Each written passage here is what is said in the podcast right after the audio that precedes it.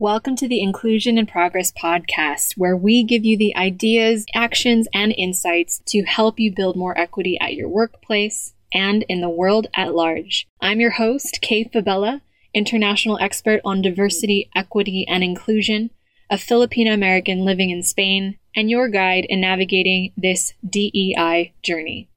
Having worked with teams at companies such as Philips, the IMF, Red Hat, PepsiCo, and more, I know firsthand that the work of inclusion only works when everyone has a seat at the table. Regardless of your personal entry point into this conversation, your race, ethnicity, gender, ability, age, sexual orientation, country of origin, or educational background, we all have a role to play in creating inclusion for all. And it starts with us having conversations we need to create the change we wish to see. So let's dive into today's episode.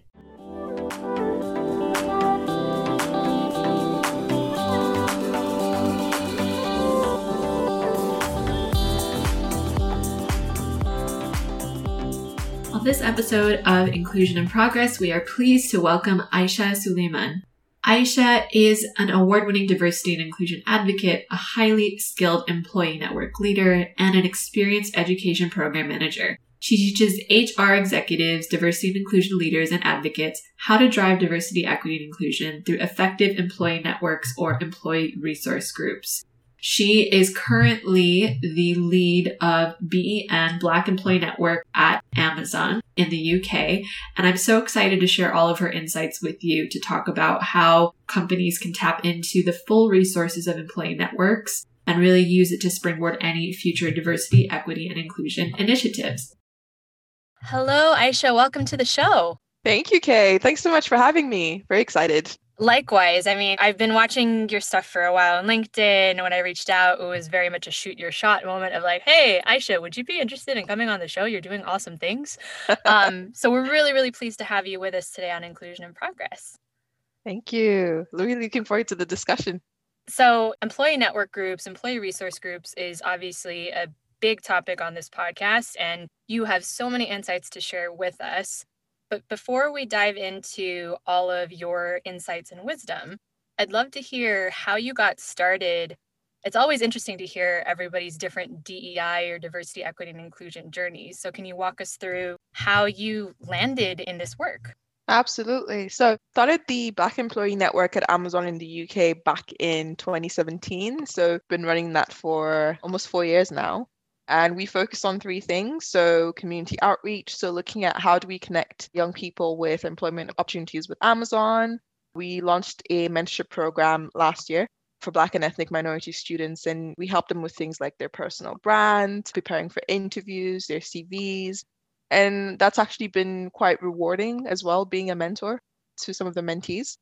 And then the second thing we look at is employee engagement. So, how are we building this sense of community getting colleagues together to talk about serious topics, things like racism. What do you do when your family members are racist? That was an interesting topic of conversation. I bet. Uh, yeah, very interesting. But then also, you know, fun stuff as well. So we do a lot of collaborations with our LGBT network. I'm very big on intersectionality. So we have fun things like quiz nights. We once had a queen host one of our quiz nights, so that was good fun. Um, and then the third thing we look at is professional development. So providing opportunities for members to develop professionally, and we do that through having coaching workshops. So we've had external coaches come in and run sessions on things like silencing your inner critic, having difficult conversations, and we also launched a leadership development program for entry level employees to shadow senior leaders to develop their leadership skills. So yeah, quite fun. Wow, you are a busy woman and you've been doing this for four years? yeah, four years. I've got an amazing team though. So each of these committees is led by different people. And honestly, in terms of employee networks, what I would say is the backbone is pretty much having solid volunteers and people who are willing to do this work on top of their day jobs. Really, they keep the network going. And yeah, getting volunteers and supporters is super key, but I'm sure we'll talk about that later on. Most definitely. And I just love not just the enthusiasm, but the fact that your entire community is built around specific pillars. I think that's so strategic and so key. And I know we'll obviously dive into much later, but I think it's really kind of a go to strategy within diversity, equity, and inclusion for clients. Like, oh, we have to start our employee networks or resource groups. And the starting seems to be the easy part, but the sustaining, which it sounds like you've done really, really well, is obviously where the work is. So, yeah, I'd love to hear when did you first hear about this idea of an employee network or an employee resource group and what inspired you to start one? Yeah, so we actually have uh, employee networks set up. So within Amazon, there's different employee networks, and there were already some set up in the US. So what we wanted to do was to set up something in the UK just to talk about what is the Black experience in the UK because there are some differences compared to our American colleagues. Most and definitely. yeah. That's another talking point. So that was where that sort of came about, sort of wanting to move the conversation forward in Europe and actually, since we launched in the UK now, there's chapters popping up in other parts of Europe, like in Luxembourg. Uh, we've got an Ireland chapter as well, Germany. So, yeah, I think it was really great that that sort of structure was already in place. And it was just a case of sort of setting up a chapter in a different country. Wow. I feel like you're being quite humble on us here too, though. Just like, ah, you know, it was already here, but you've managed to grow it over four years with your team. So I think you're not doing too shabby. But we'll dig into questions and I'm going to get you to brag a little bit and share all your awesomeness with us. Um, but I really did want to dive into this idea of in our work and with almost all the clients that we've dealt with, and you did touch on it a little bit in that conversation just now, but we've seen how employee networks, because we're currently in a pandemic, we don't know how long the Rona is staying around. She's messing up all of our plans and she's keeping us out of offices. ERGs or employee networks have really stepped up to be that community for employees within companies. And I know between Corona and the anti racism movement and just how much more importance the DEI conversation took over the last year, I'm curious to see from your vantage point, since you started the employee network four years ago, how you've seen it evolve, you know, walking us through the different chapters and phases that you've seen and what purpose it's now evolved to serve.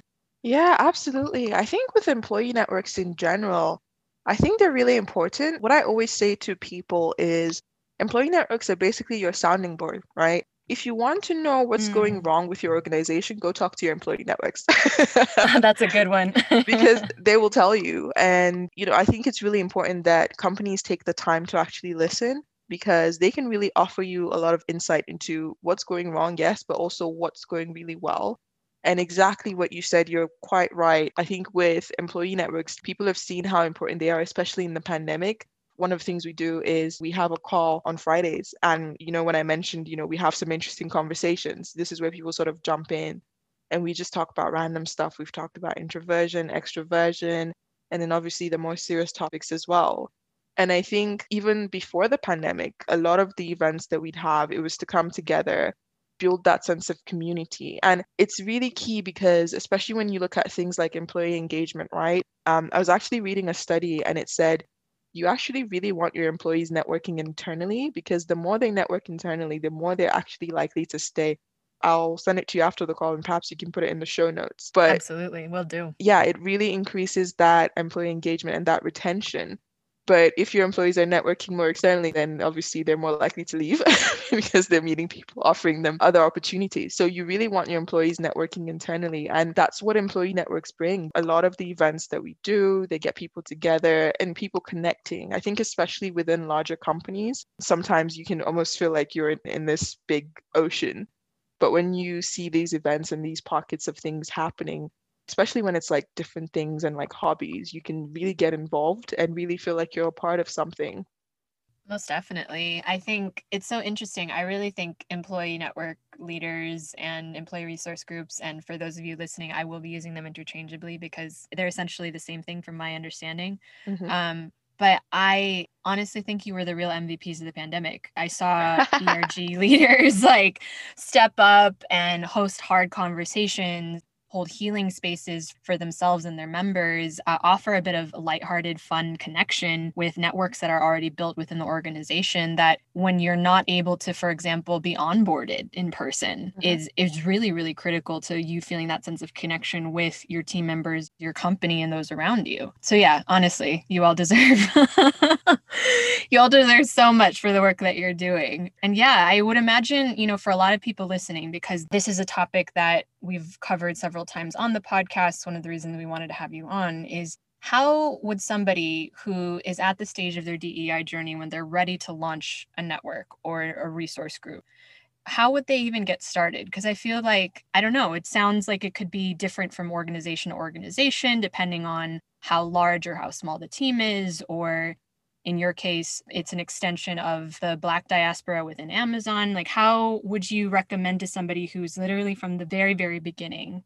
Mm-hmm. starting their journey and getting an, a resource group or a network off the ground? Yeah, so I've actually created a whole online course on this.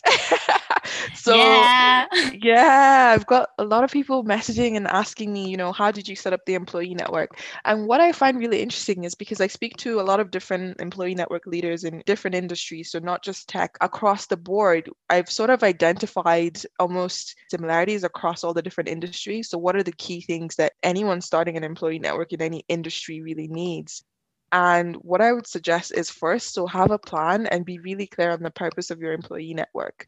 So, in terms of the committees that I mentioned that we have, all our activities are aligned towards those things.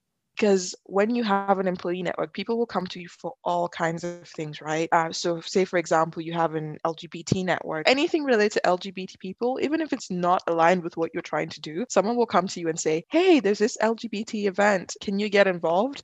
And then you look at it and think, actually, this has nothing to do with our goals. You can't just come to me with everything related to LGBT people right? Mm-hmm. Um, so be very clear on your purpose. So create your plan. So are you interested in okay influencing things like recruitment?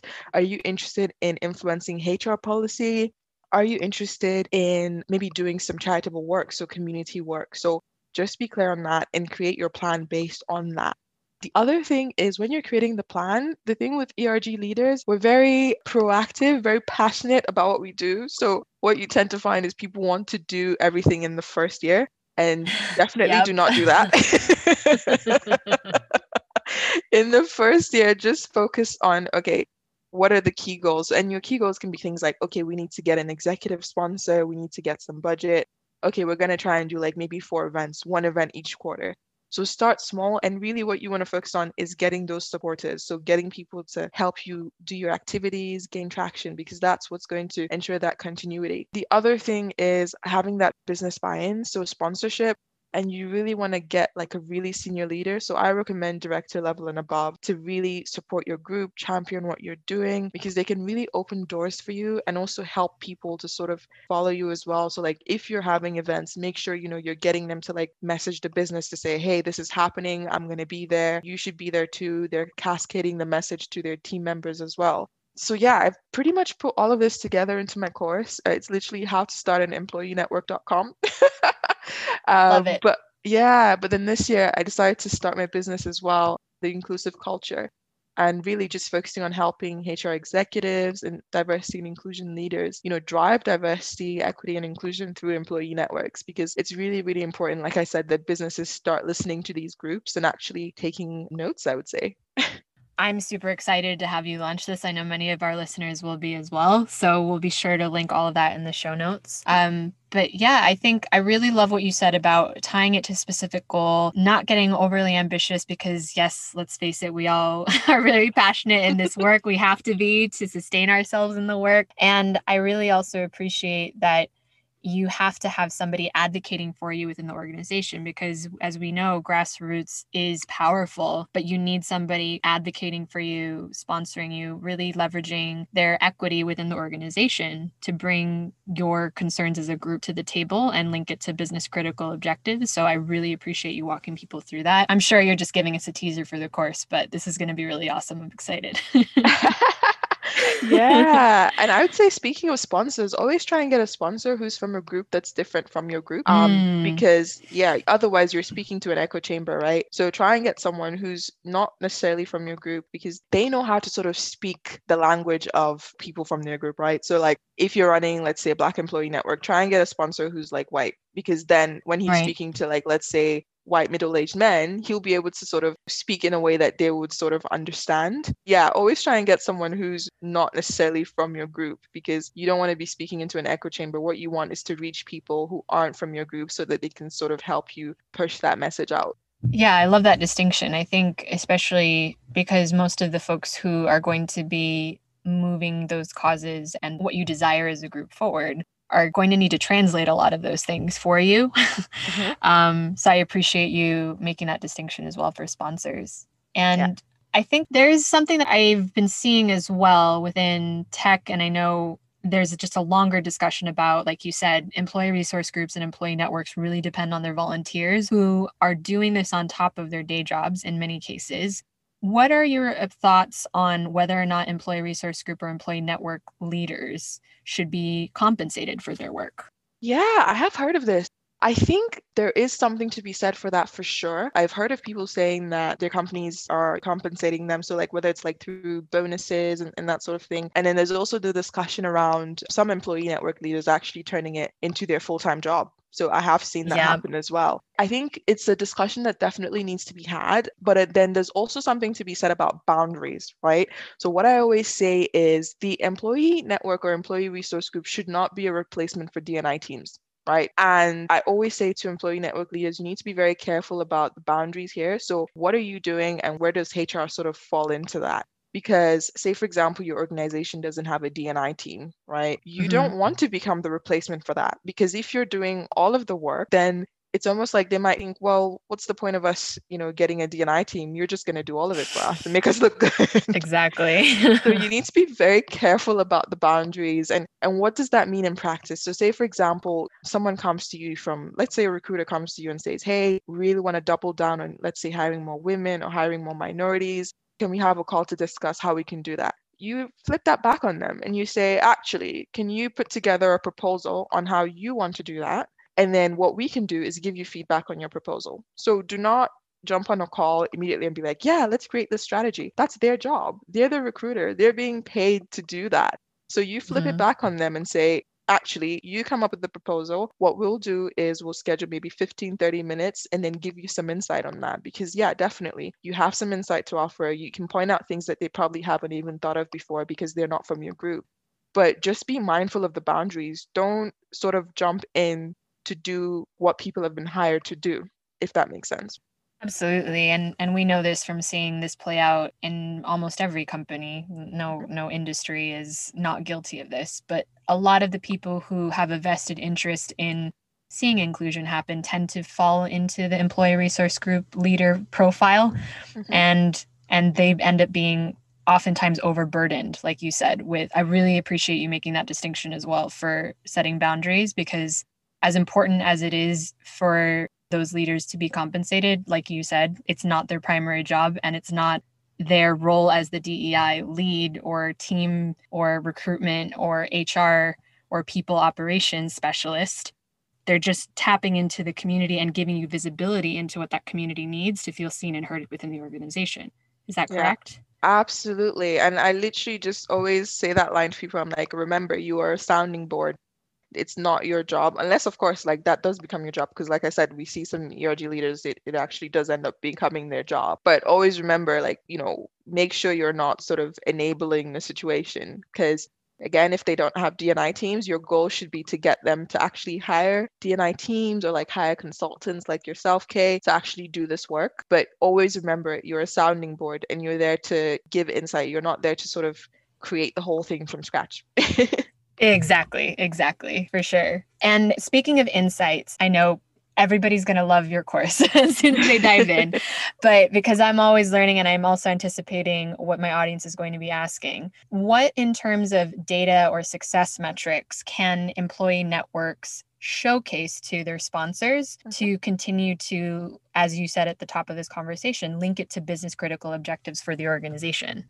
I think one example is we worked with Alexa team to develop a Black History Month quiz for UK customers. So, one metric, for example, would be how many hits did we get for the quiz itself? So, like how many customers actually engaged with the quiz, right? So, say, for example, you're an employee network and you've worked with a particular business org to develop a new product for customers, or maybe you've worked on a marketing campaign. So, yeah, I have read of employee networks working on marketing campaigns uh, with companies. So, what was the success of the marketing campaign? So, if it was an email campaign, how many hits, you know, things like open rate, click through rate, if it was a video, how many views on the video. So I think it really depends on what specific project it is. So if it's something like you're working on a recruitment initiative, so let's say you wanted to hire, I don't know, X amount of female interns or graduates, then after you've done like a big referral drive or campaign with your recruitment team, actually sitting down and saying, okay, what did we actually achieve? But what I would say is map that out before you even kick off the project. So always start with, okay, what do we actually want the outcome here to be? So to your point, what do we actually want to be able to go to our sponsor and say, hey, we've worked on this initiative. This was the data. This was the results. So I think that should be the first thing to map out.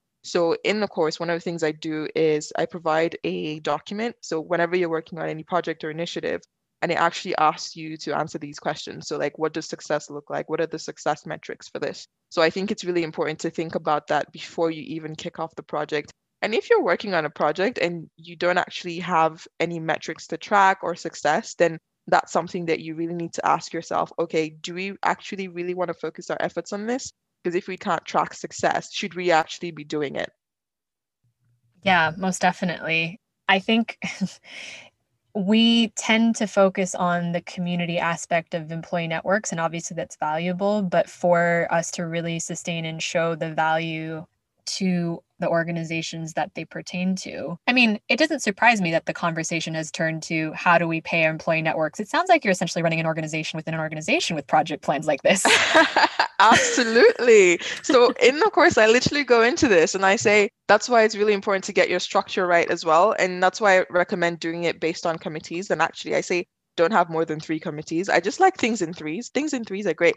Um, I'm a fan of it as well. I love it. yeah, but it is essentially an organization. So when you're thinking about your employee network, you need to see it as an organization. And when you see it that way, that's why you need to have things like your strategy document. We even have like job descriptions for everyone. So for each of the leads, they all know like, okay, this is what I'm working on. This is how it fits into the wider goals. And if you see it that way, you will save so much time. And when you say that to people, they think, oh my God, this is so much work. But actually, if you have that upfront, you're saving yourself so much time, so much stress because if it's not all defined as i said what's going to happen is people will come to you with just anything and also you'll be almost duplicating efforts rather than everyone sort of knowing, okay, this is what we're working on and this is how everything interlinks. Yeah, honestly, you're the CEO of the Black UK network. That's what I'm hearing.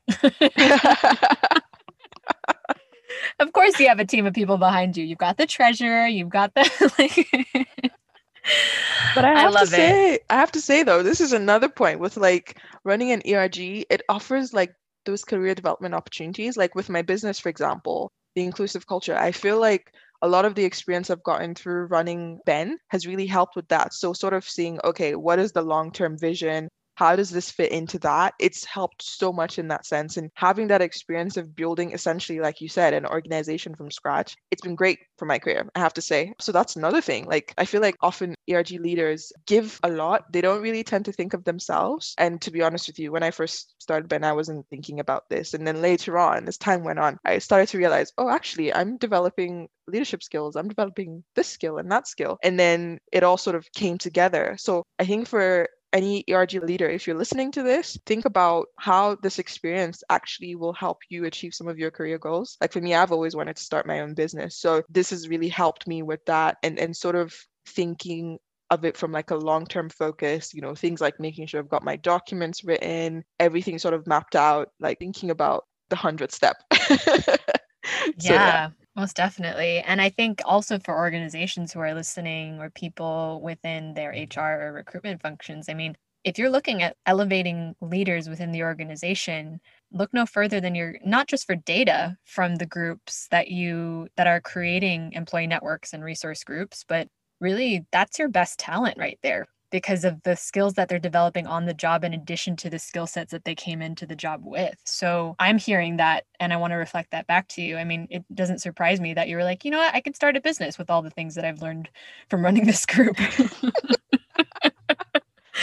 Genuinely. and so I I could talk to you for hours, but I really do want to end on one final question that I think is is so critical, which is where do you see employee networks evolving? Because we've talked about how important they are for companies to listen to as a sounding board for what their employees need, improving employee engagement, for helping with things like recruitment and retention, which companies are obviously very concerned about. And we've seen how they've evolved over the course of this pandemic, especially, but definitely over the last few years as you know finding community within folks who you work with is becoming even more important especially for people from groups that are still traditionally underrepresented. Where do you see employee networks evolving? I mean crystal ball aisha. We're gonna bust it out right now. I'm not gonna hold you to any of these predictions but what are you seeing in terms of trends and from your discussions you're having with other people starting these groups I think what's still untapped, and this is what I'm on a mission to change, I think a lot of companies are not still tapping into the full potential of employee networks. I see employee networks working with companies to develop more inclusive products and services. That's where I see this going. So, going beyond just the employee engagement piece, which is really, really important, and the recruitment piece, I see employee networks actually working with companies and companies like Ford, for example, they've done that. So I was reading how some of their employee networks, their disability network has worked with the business to look at the cars and making sure they're accessible. So this is where I see employee networks going. Actually, the business realizing, hey, actually, we need to work with these groups to make sure that our products and our services are inclusive. Because if we do that, that's actually going to help us tap into bigger audiences and different audiences. So that's where I see it. Yes, definitely still focusing much on the employee engagement piece, but also looking at how does this actually serve the business? How can we work with these networks to actually make sure that we're developing better products and better services for our customers? So I'm on a mission to help companies figure that out. I love it. And I am with you on that mission. I think we focus so externally on market research when it comes to developing products and services but there is so much truth in what you're saying about well who better than the people within your company who are going to help you with things like accessibility mm-hmm. or making sure that the language is inclusive for somebody who's a non-native speaker or for making sure that you know tech in the wrong hands doesn't fall into the sort of stereotypes that we've seen for people of color communities of color being you know wrongly criminalized or whatever it happens to be. I think there's so much power in you're literally sitting on a gold mine, is what I'm hearing from what you're saying with the networks that you have. And I really appreciate you sharing that insight with us. Absolutely. And uh, Ford was able to do that. So, again, going back to Ford, so I came across this article. So, back in I think 2003, they launched this referral program. So, it was a friends and neighbors discount program. And literally by three years later, they had like $290 million in sales just through their employee network referrals. Wow. Yeah. yeah. Talk about business critical. exactly. So, yeah. I love it. I love it. Well, we have covered so much, and I know our listeners and people who are eager to either start a group from scratch or sustain their existing one and make it more purposeful and initiative driven are going to love this conversation. But I know you're a wealth of knowledge, and I'd love to just point people to you so that they can continue the conversation or learn from what it is that you're up to. So, where can people find you? Yeah, so you can find me on my website, theinclusiveculture.com, and it links to my course. But if you just want to go straight to the course, it's how to start an employee network.com reads what it says on the tin. it's great for SEO. I love it. I love it, Aisha. Well, thank you so much for being on the show with us and for, you know, amidst all the cool things that you're doing, running BEN, doing your full-time job as well as getting this off the ground. I'm so excited to see what this brings you and how it's going to help employee networks in the future. Thank you, Kay. Thank you so much for having me. Of course. And for those of you who are listening, please be sure to tag Aisha or myself on social media. We've covered a lot of ground today, so let us know your favorite insights from our conversation. And of course, don't forget to subscribe, rate, and review the podcast, especially on iTunes. Every bit that we can do to help get this message, the tools and resources and conversations shared on Inclusion in Progress to the people who'd most benefit from a more inclusive world are honestly so welcome. So thank you again for tuning in, and I'll see you all in the next episode.